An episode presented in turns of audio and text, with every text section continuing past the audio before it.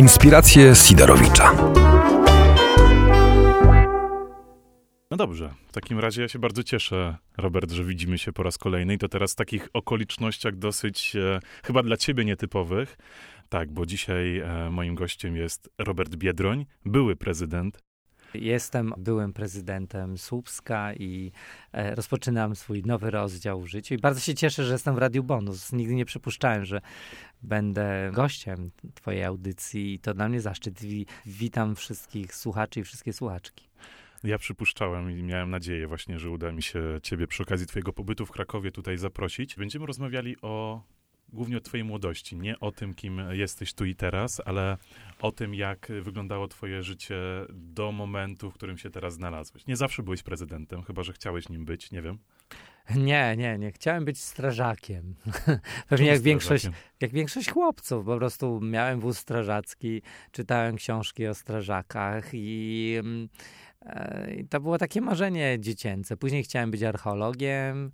Um, Od straży pożarnej do archeologii kawałek. Jednak. No, bo się interesowałem historią.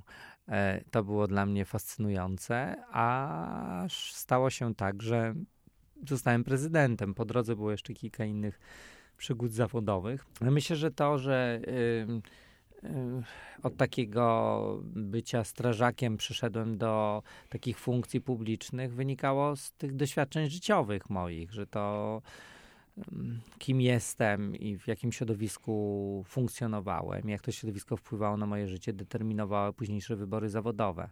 To właśnie kim jesteś w takim razie? Robertem Biedroniem. No tak, ale to właśnie to, że byłeś Robertem Biedroniem, to a, było powodem twoich wyborów życiowych?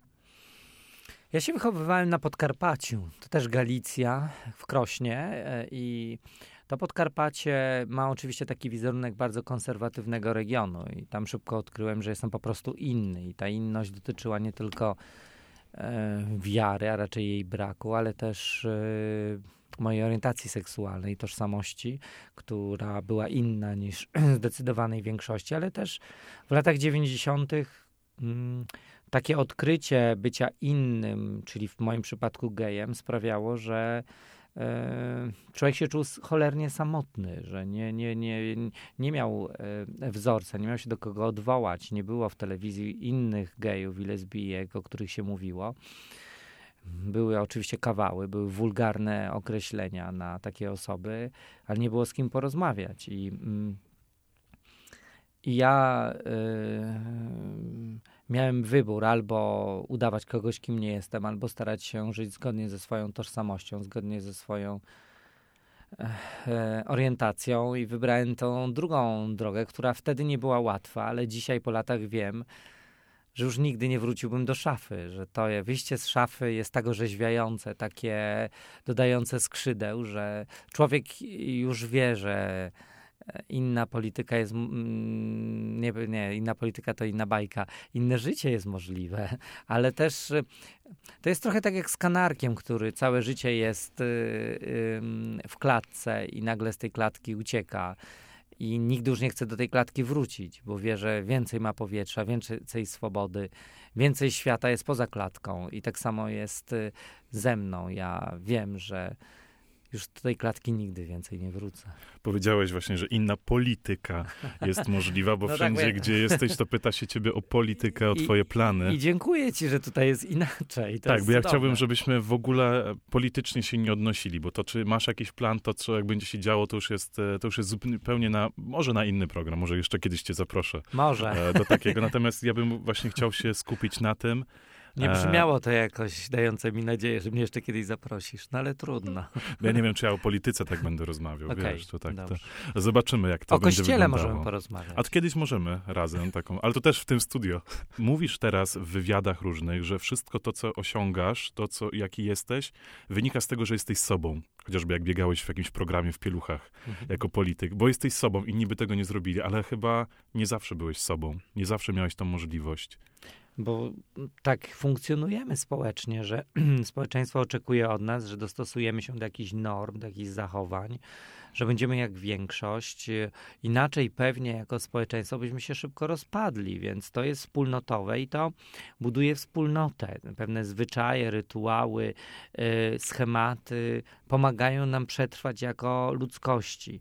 Ale mm, w tym wszystkim trzeba pamiętać, że jest bardzo wiele osób, które są różnorodne i tej różnorodności, tej tożsamości nie chciałyby za, zatracić.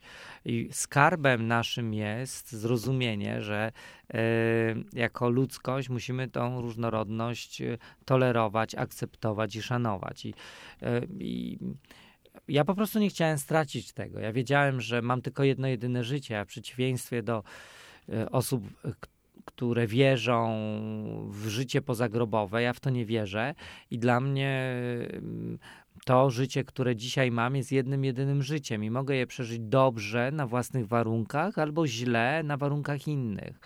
Ja chciałem przeżyć to życie po prostu dobrze i na własnych warunkach. I, I wiem też, że nigdy nie będę miał drugiego życia i nie będę aniołkiem w obłokach, nie będę mm, się smażył w jakimś kotle piekielnym, czy będę kwiatem lotosu, pędzącą gazelą. Będę Robertem Biedroniem tak długo, jak nie umrę i zakończy się pewien, zakończy się wszystko, co jest związane z moją, moim jestestwem. Mm, I dlatego to życie staram się wykorzystać dobrze, ale też dla mnie jest ważne, żeby wykorzystać to życie na tyle dobrze, żeby nikogo nie krzywdzić przy tym, że czyli tak, mam taką ważną zasadę minimalizować zło, maksymalizować dobro. Wszędzie, gdzie możliwe, wprowadzać szczęście, bo to szczęście nie tylko mi pomaga, ale pomaga też innym. No ale żeby, żeby, żeby minimalizować zło, a maksymalizować dobro, to muszę przede wszystkim dbać o to, żeby być sobą nie bycie sobą to udawanie. To bycie aktorem w życiu nie pomaga. Będąc w szkole podstawowej lub mając tak 10 lat, myślałeś tak samo, że to musisz być sobą? Nie, oczywiście. No to jak pamiętasz w ogóle swoją szkołę? Źle. Szczególnie podstawówkę. Było? Dlaczego? No, szkoła była opresyjna. Ja, ja, ja mm, chodziłem do szkoły też, e, ja się dobrze uczyłem, ale czułem, że przychodzę nie, nie, nieprzygotowany, bo wychowałem się w rodzinie, w której ojciec był alkoholikiem, był przemocowcem i ja wieczory spędzałem na tym, żeby schować się, chować się przed ojcem, żeby nas znów nie zlał, żeby nas nie pobił, dbając o matkę, która, która tam uciekała z domu i chodziłem zestresowany do szkoły szkoły i nikt się tym w szkole za bardzo nie przejmował. Wszyscy odwracali głowę. Wiadomo było, że na podwórku takich dzieciaków jest więcej, nie tylko ja. Nauczyciele mimo to udawali, że to nie ich problem, że to się dzieje w czterech ścianach w, u nas w domu i... Pozwalali na to, żeby dziecko było krzywdzone? Odwracali głowę. To, to nie... Oczywiście to jest jakieś przyzwolenie, ale odwracanie głowy jest jeszcze straszniejsze, bo nie, ja nie wiedziałem, ja czułem oczywiście, że to jest złe. Ja wiedziałem, że przemoc boli, ale tak mieli wszyscy na ulicy Kolejowej w Krośnie prawie. Wszyscy moi znajomi, koledzy, koleżanki. To wszędzie było i mm, więc ja nie wspominam dobrze szkoły, bo szkoła, oczekiwałem od szkoły tego, że jak pójdę do szkoły, to tam nie będzie się ode mnie wymagało, żebym ja wyrecytował wierszyk na pamięć, bo ja nie byłem w stanie się nauczyć tego wierszyka, bo po prostu ja, ja się zastanawiałem bardziej, co się stanie, jak wrócę do domu, że ojciec mnie znów zleje, że um, byłem przerażony tym, co się dzieje z moją matką i to było straszne. I to nie daje mi podstaw do tego, żeby myśleć o szkole jakoś super pozytywnie, chociaż szkoła Później średnia była już dla mnie azylem. Ja wyjechałem ze, z domu do szkoły średniej, mieszkałem w internacie i uciekłem od tego wszystkiego, ale też zacząłem odkrywać wtedy właśnie swoją tożsamość i, e, i, znalazłem akceptację wśród rówieśników. E, znalazłem taką przestrzeń, gdzie nie musiałem się już stresować. Oczywiście stresowałem się, kiedy wracałem do domu, coraz rzadziej wracałem do domu, bo nie chciałem tego oglądać ale wiedziałem też, że, że to już jest moje życie, że ja już je buduję na swoich warunkach i że ojciec mnie już nie będzie bił, że, że mam też pewną siłę i dojrzewałem do tego. I też od, dojrzewałem do odkrywania swojej tożsamości. I oczywiście, jak wielu, kiedy odkryłem to, że jestem gejem, nie mogą się z tym pogodzić, nie mogą tego zrozumieć, e, dlaczego ja i dlaczego mnie to spotyka i dlaczego cały świat mnie nienawidzi za to, kim jestem. Chciałem popełnić nawet samobójstwo w pewnym momencie, ale, mm, ale dzięki książkom, które czytałem, wiedziałem, że gdzieś za siedmioma górami, siedmioma lasami są szczęśliwi geje i że ja też kiedyś mogę być szczęśliwy. I to dodawało mi skrzydeł i to sprawiło, że też chyba tutaj dzisiaj jestem, bo bo nie wszyscy mieli też tą siłę i tę szansę, żeby um, iść tą drogą. Szkoła nie lubiłeś i miałeś problem z wracaniem do domu, ale jakie miałeś relacje ze swoimi kolegami, koleżankami? Świetne. Ja byłem zawsze liderem. Zawsze byłem przywódcą bandy podwórkowej. W szkole byłem przewodniczącym, w internacie byłem przewodniczącym internatu. E, e, zawsze byłem prowodyrem różnych rozrób, e, buntów szkolnych, więc to sprawiało, lider, lider mm, jest lubiany. No to, to jest jedna z cech lidera, że ludzie podążają za liderem, podziwiają go, e, w jakiś sposób go podrzucają do góry i to dla mnie tak było. To ja tak czułem, że tak jest i i to na pewno było dla mnie ważne, szczególnie właśnie kiedy nie miałem tego w domu, kiedy ojciec mnie nie podrzucał do góry, chyba że chciał mnie uderzyć, więc to było orzeźwiające dla mnie. Więc miałem mnóstwo przyjaciół, znajomych. E, szkołę średnią szczególnie dobrze wspominam w tej kwestii. No i oczywiście studia. Ja czułeś wsparcie od swoich rodziców? Mimo trudnej sytuacji w domu czułeś, że oni, że oni są, że potrzebujesz ich? Tak, y, w dużej mierze finansowe, y, kiedy mogli. To były lata 90., kiedy ja y, wchodziłem w taki etap edukacji. Moi rodzice pracowali w szkole, stracili pracę, więc finansowo im się ciężko układało i musieli w pewnym momencie wyjechać do Stanów Zjednoczonych z moją siostrą ale o, starali się na pewno. Starali się, tą, nas była czwórka dzieci, tą czwórkę dzieci jakoś wychować. Brakuje, brakowało mi wtedy oczywiście pewnych uczuć, których no, szczególnie ojciec nie był w stanie wyrazić. I dzisiaj mego ojca już nie ma, zmarł, e, ale wiem, że gdybym mógł z ojcem porozmawiać, to pewnie te nasze rozmowy wyglądałyby inaczej niż kiedy on żył że wielu tematów unikaliśmy. Ja nigdy z moim ojcem nie rozmawiałem o tym, kim jestem, jakie mam uczucia, czego pragnę w życiu takim emocjonalnym. Ojciec nie, nie, nie dawał mi przestrzeni na to, a ja nie potrafiłem tego wyrazić też. I ja wiedziałem, że chcę o tym rozmawiać. I myślę, że mój ojciec, szczególnie w tym etapie, kiedy umierał już, e, mój ojciec umierał na raka płuc e, przez prawie rok. E, Spędzaliśmy dużo czasu jeżdżąc y, ze sobą e, z Krosna do Centrum Onkologii w Warszawie. Ja go woziłem tam dwa razy w tygodniu. I rozmawialiśmy o wszystkim. Rozmawialiśmy o dziurach w drodze, rozmawialiśmy o piłce nożnej, rozmawialiśmy o, o polityce, ale nigdy nie rozmawialiśmy o naszych uczuciach i o tym, co mój ojciec nam robił, kiedy byliśmy dziećmi. I dzisiaj żałuję, bo dzisiaj. Yy, yy, ja wracam do, do ojca w snach, znaczy ojciec mi się śni często i rozmawiamy ze sobą, tylko że są to już tylko sny, już ojca nie ma. I dlatego te akcje, Gazeta Wyborcza miała takie, a, taką akcję list do taty chyba, listy do ojca, e, żeby przekazywać ojcom, którzy mają często problem z wyrażaniem uczuć, swoje uczucia e, są bardzo potrzebne. Dzisiaj już to wiem i i to doceniam. Szkoda, że jest za późno już. I jeżeli ktoś chce porozmawiać z najbliższymi, to myślę, że może mieć takie poczucie, że to nigdy nie jest odpowiedni moment, ale to jest odpowiedni moment, bo zaraz może być za późno.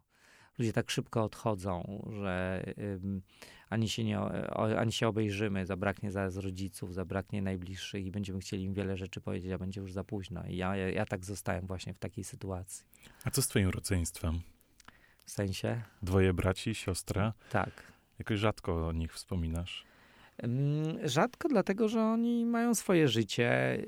Y, obaj bracia mieszkają za granicą. Jeden z moich braci mieszkał już od dawna we Włoszech, drugi brat na Białorusi. E, siostra y, mieszka w Rzeszowie, tam studiowała.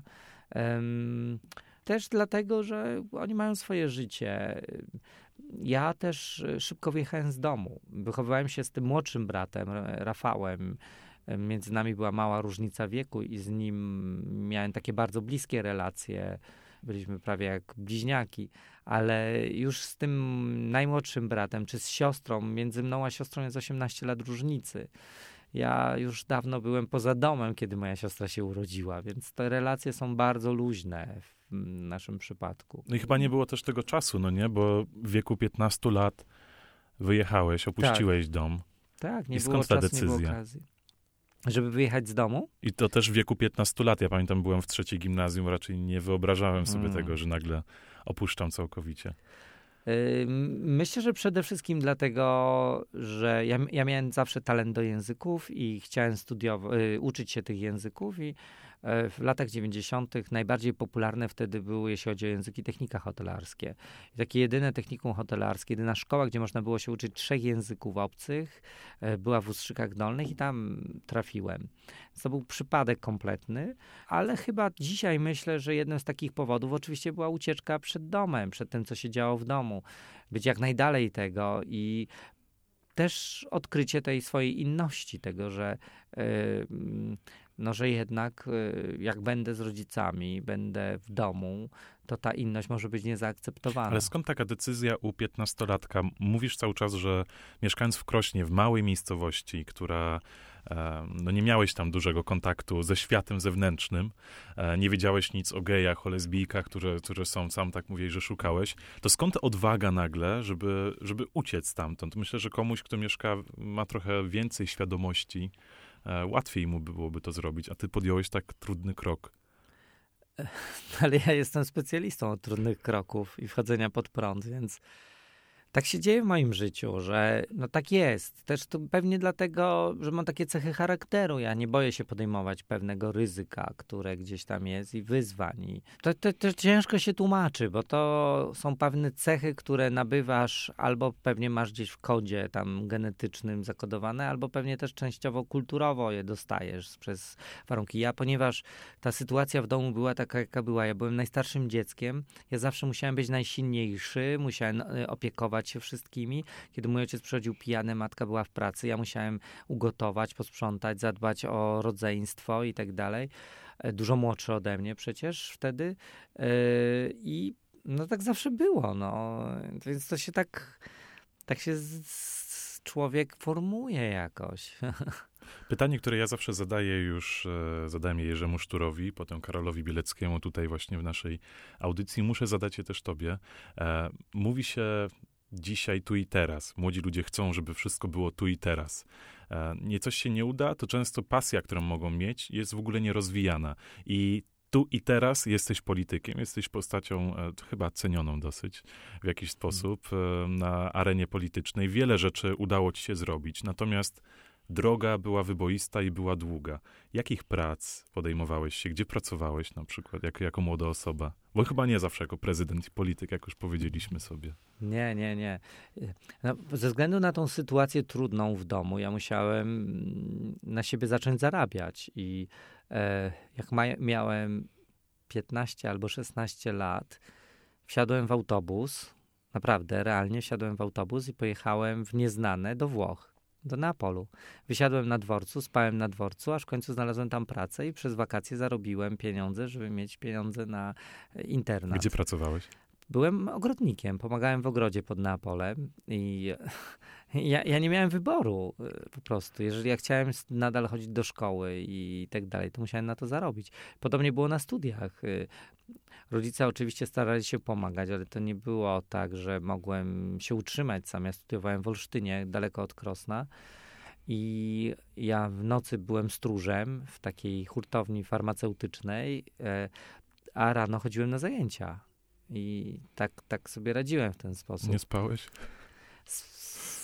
no to już jest przeszłość, więc mogę powiedzieć oczywiście, że przysypiałem. Nie miałem wyboru, ale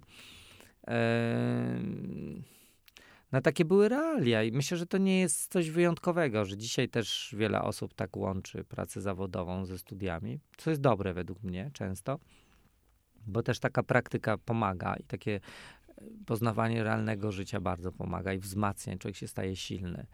Więc yy, no nie wiem, coś przyniesie przyszłość, gdzie będę pracował i co będę robił.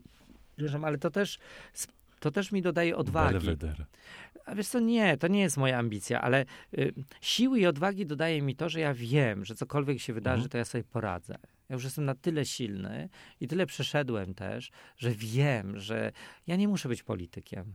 A i tak sobie poradzę. To naprawdę, ja mam takie wrażenie, że niektórzy politycy kurczowo trzymają się stołku, bo się boją, że jak je stracą, to nie ma świata poza polityką. Mhm. Oczywiście polityka jest moją pasją, zmienianie świata jest moją pasją, ale ja wiem, że ja mogę wykonywać różne zawody i sobie poradzę, że ja, robiłem już tak rzeczy e, nie na świeczniku i to mi przynosiło też satysfakcję, że ja byłem wydawcą książek, miałem swoje wydawnictwo, prowadziłem organizacje pozarządowe, pracowałem w agencjach reklamowych, że cokolwiek się wydarzy, będzie dobrze. Czego żałujesz z młodości? Je ne regrette rien. Niczego nie żałuję. nie, Edith Piaf miała rację. To oczywiście można żałować, że nie wiem, że się kupiło za drogi bilet, a można było w promocji kupić tańszy, że się, e, że się kupiło te buty, a widzi się później na wystawie w innym sklepie inne buty. To są drobnostki, które nie mają większego znaczenia. Wiesz, ja, e, ponieważ udaje mi się żyć na własnych zasadach, to ja niczego w życiu już nie żałuję. Ponieważ wiem, że mam piękne życie, że mieć siłę przechodzić te wszystkie ym, przeciwności losu, często idąc pod prąd, robiąc rzeczy, które ja robię, to jest najpiękniejsze życie, jakie można dostać. I mm, nie można niczego żałować w takim życiu. Można tylko się nim cieszyć. Ja wiem, że gdyby moje życie dzisiaj się miało zakończyć, gdyby to był ostatni dzień mojego życia, bardzo cholernie bym tego żałował. Pewnie bym strasznie płakał. I pamiętam, jak mój ojciec umierał. On, on, on, on nie mówił. On nie miał siły mówić, ale on płakał, bo y, miał to poczucie.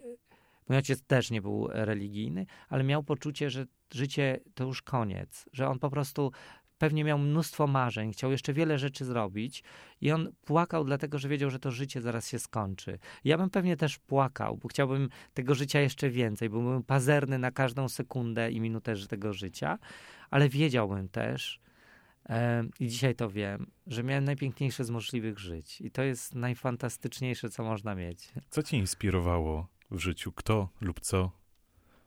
Na Ludzie kogo mnie- tak patrzyłeś z autorytetem? Ludzie mnie inspirują, wszystko mnie inspiruje. Ja nie mam takiego autorytetu jednego. Mówi się, że jesteśmy pokoleniem Jana Pawła II, że tutaj inspirują żołnierze wyklęci, Piłsudski, Jarosław Kaczyński, czy Donald Tusk, czy tam ktoś, czy Biedroń.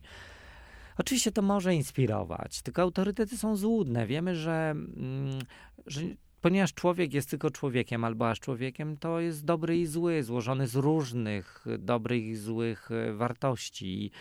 Ja ostrzegam przed takimi jednymi krystalicznymi autorytetami. Dotyczy to wszystkiego, także przywódców duchowych czy politycznych. I szukam tego, tej inspiracji we wszystkim. Wszystko cię może inspirować i, i każdy cię może inspirować, bo człowiek jest ciekawy. Wszystko jest ciekawe zresztą, więc wszystko mnie inspiruje. A ty uważasz się za kogoś, kogo, kto inspiruje? Myślę, że też, że, ponieważ mnie inni inspirują, to ja pewnie też kogoś inspiruję. Inspiruję pewnie w momencie, kiedy opowiadam o tym, kim jestem. Dodaję skrzydeł, mam nadzieję, tym, którzy wychowują się w takich rodzinach, w jakiej ja się wychowywałem i wiedzą, że inne życie jest możliwe, że nie można podnosić ręki na drugiego człowieka. Myślę, że inspiruje nie, politycznie niektórych, ale też wiele osób mnie inspiruje, bo to jest, to jest tak, że najpiękniejsze w tym wszystkim jest to, że my nawzajem możemy sobie dawać, że możemy się wymieniać tymi inspiracjami, że możemy się wzbogacać przez to, że jesteśmy otwarci na siebie i na poglądy innych. Przecież e, miałem przed chwilą taką ciekawą dyskusję z moim przyjacielem Wadimem Tyszkiewiczem na temat, co jest ważniejsze, in, infrastruktura czy kultura. Wadim Tyszkiewicz jest prezydentem Nowej Soli i ja się z nim nie zgadzam w pewnych kwestiach, ale na pewno wiele rzeczy, które on powiedział, mnie zaciekawiło i zainspirowało. Trzeba być otwartym na drugiego człowieka. Na wszystko trzeba być otwartym. Na wszystko, co nas otacza, bo wszystko jest ciekawe. Długa historia, można by rozmawiać bardzo długo właśnie o całym twoim życiu. Jednak ja bym chciał jeszcze zapytać na sam koniec e, o to, jakich rad byś teraz udzielił osobom w moim wieku, na przykład, przypomnę 23 lata, w moim wieku, moim kolegom, koleżankom, innym studentom, rady dla młodych ludzi na temat młodości, jak tą młodość dobrze przeżyć? Jedna rada: bądźcie sobą. Naprawdę. Nie ma nic piękniejszego w życiu. To znaczy udawanie kogoś, kim się nie jest. Ta presja społeczna, która jest na nas, żeby tak się nosić, tak się ubierać, tak, się, tak myśleć, tak wierzyć, tak kochać, jest złudna. Najpiękniejsze w życiu być, jest być sobą i najtrudniejsze. To jest najtrudniejsza sztuka w życiu. Ale według mnie dlatego warto żyć, żeby być po prostu sobą. I iść pod prąd. Od czasu do czasu warto. Bardzo miło mi było Cię gościć e, kolejny raz, Dziękuję z Tobą Wojtku. rozmawiać. Dzięki. Wszystkiego dobrego dla Radia Bonus i wszystkich słuchaczy i słuchaczek. Na Uniwersytecie Dla ciebie też. Papieskim. A dziękuję bardzo. Dzięki. Bardzo się cieszę. Dziękuję Wam bardzo także za słuchanie. Inspiracje Sidorowicza.